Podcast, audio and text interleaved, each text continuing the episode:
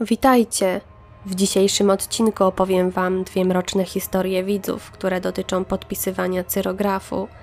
Na wstępie chciałabym zaznaczyć, że zawieranie paktu z diabłem jest bardzo niebezpieczne, nieodwracalne i mam nadzieję, że te historie będą dla Was przestrogą. Nawet jeśli ktoś z Was potraktowałby to niepoważnie, jako zwykłą zabawę, konsekwencje mogą być opłakane. Pamiętajcie o tym. Okej, okay, skończmy już ten przydługi wstęp i zaczynajmy odcinek. Historia od Pauli. Imiona osób występujących w historii zostały zmienione. Od zawsze miałam wrażenie, że w życiu towarzyszy mi jakby szósty zmysł, gdyż bardzo mocno wyczuwam energię czy intencje.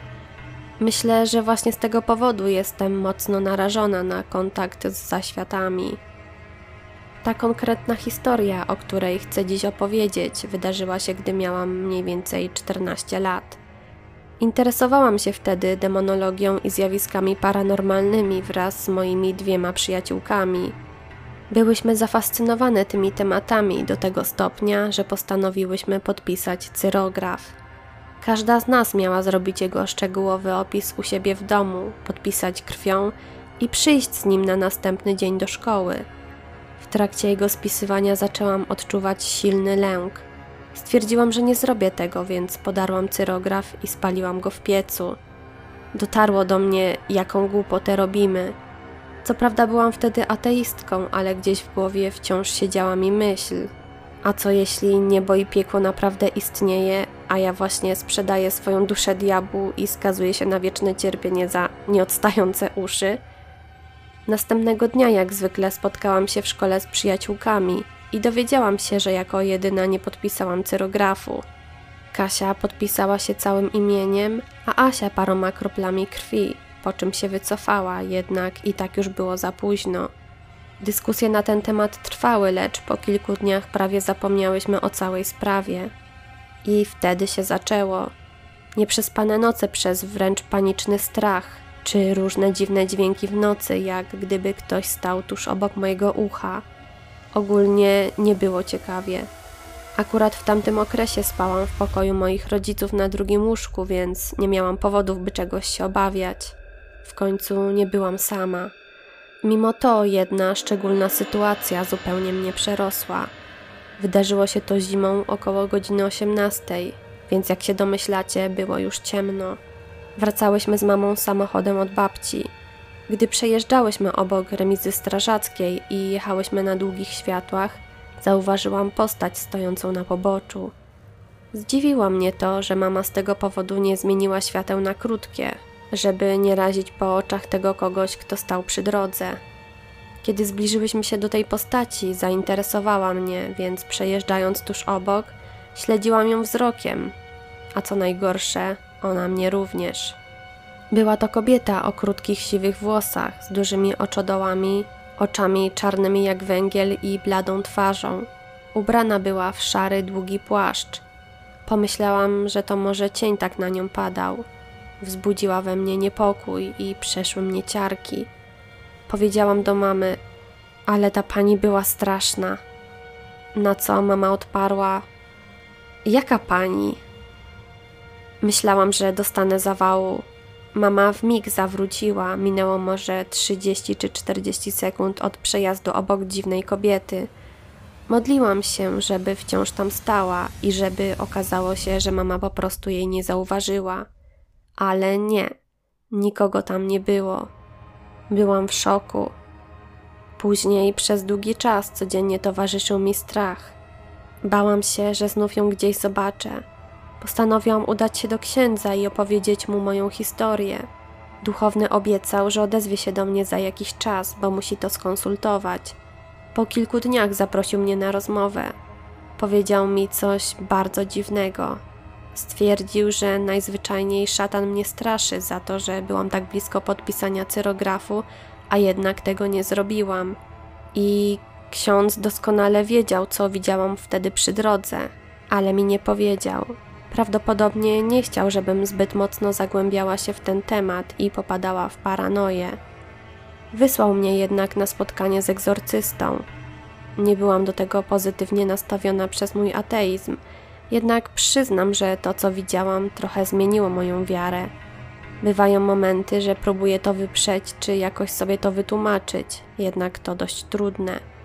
Z rozmowy z egzorcystą, szczerze mówiąc, nie dowiedziałam się nic nowego, co by mnie jakoś szczególnie zaskoczyło. Rozwinął on po prostu bardziej informację, którą przekazał mi ksiądz.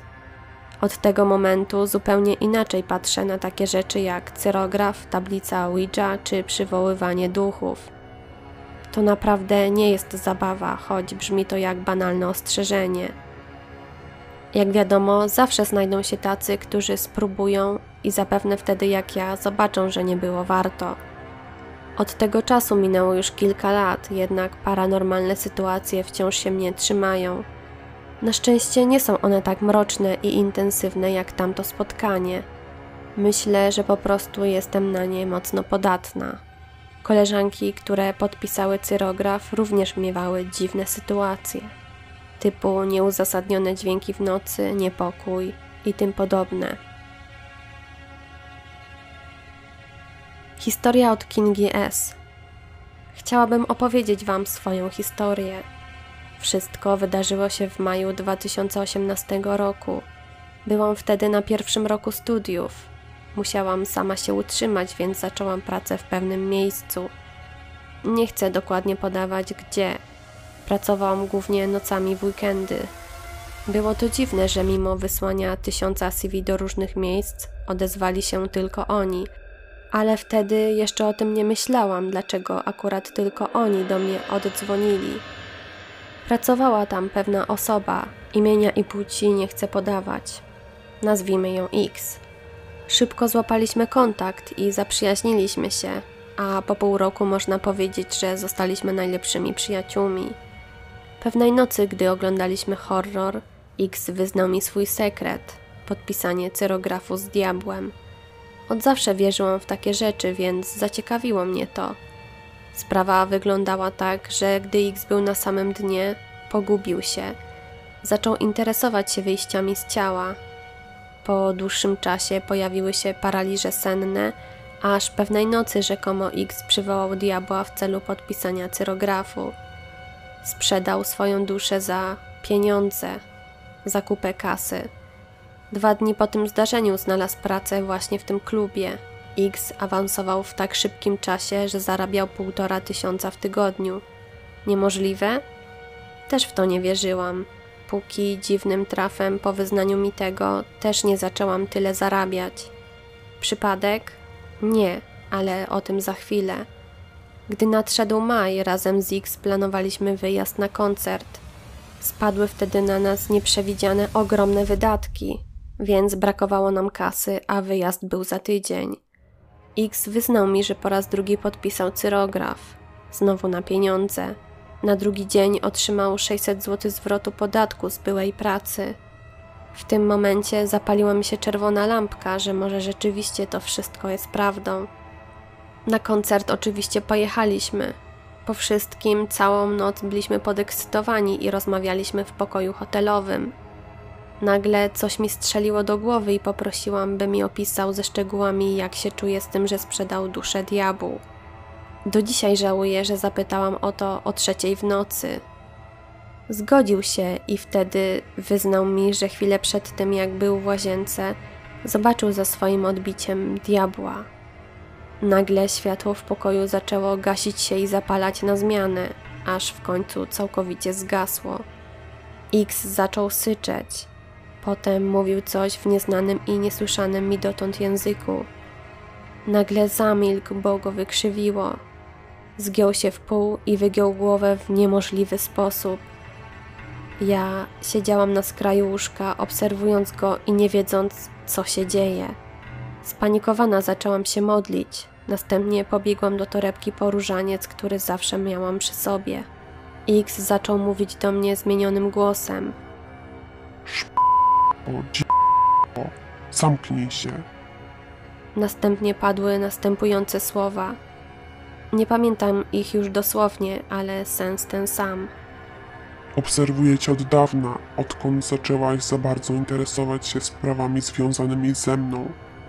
Pamiętasz, jak z twoją koleżanką Tu podał imię.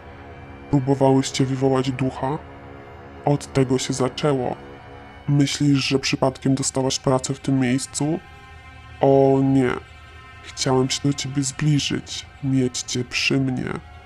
Myślisz, że czemu tylko uczelnia w tym mieście cię przyjęła? Miałaś beznadziejne wyniki matur, byłaś ostatnia na liście. Myślisz, że miałaś szczęście? Nie, to moja zasługa. Póki twoja babcia żyje i modli się za ciebie, jesteś pod ochroną, ty i ta twoja przyjaciółeczka. Ale mam wobec was plan. Tym momencie zaczęłam płakać. X nie wiedział o żadnej z tych rzeczy.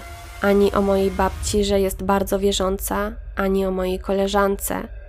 Zdałam sobie sprawę, że naprawdę jest tu jakiś nadprzyrodzony byt. Zaczęłam jeszcze głośniej się modlić.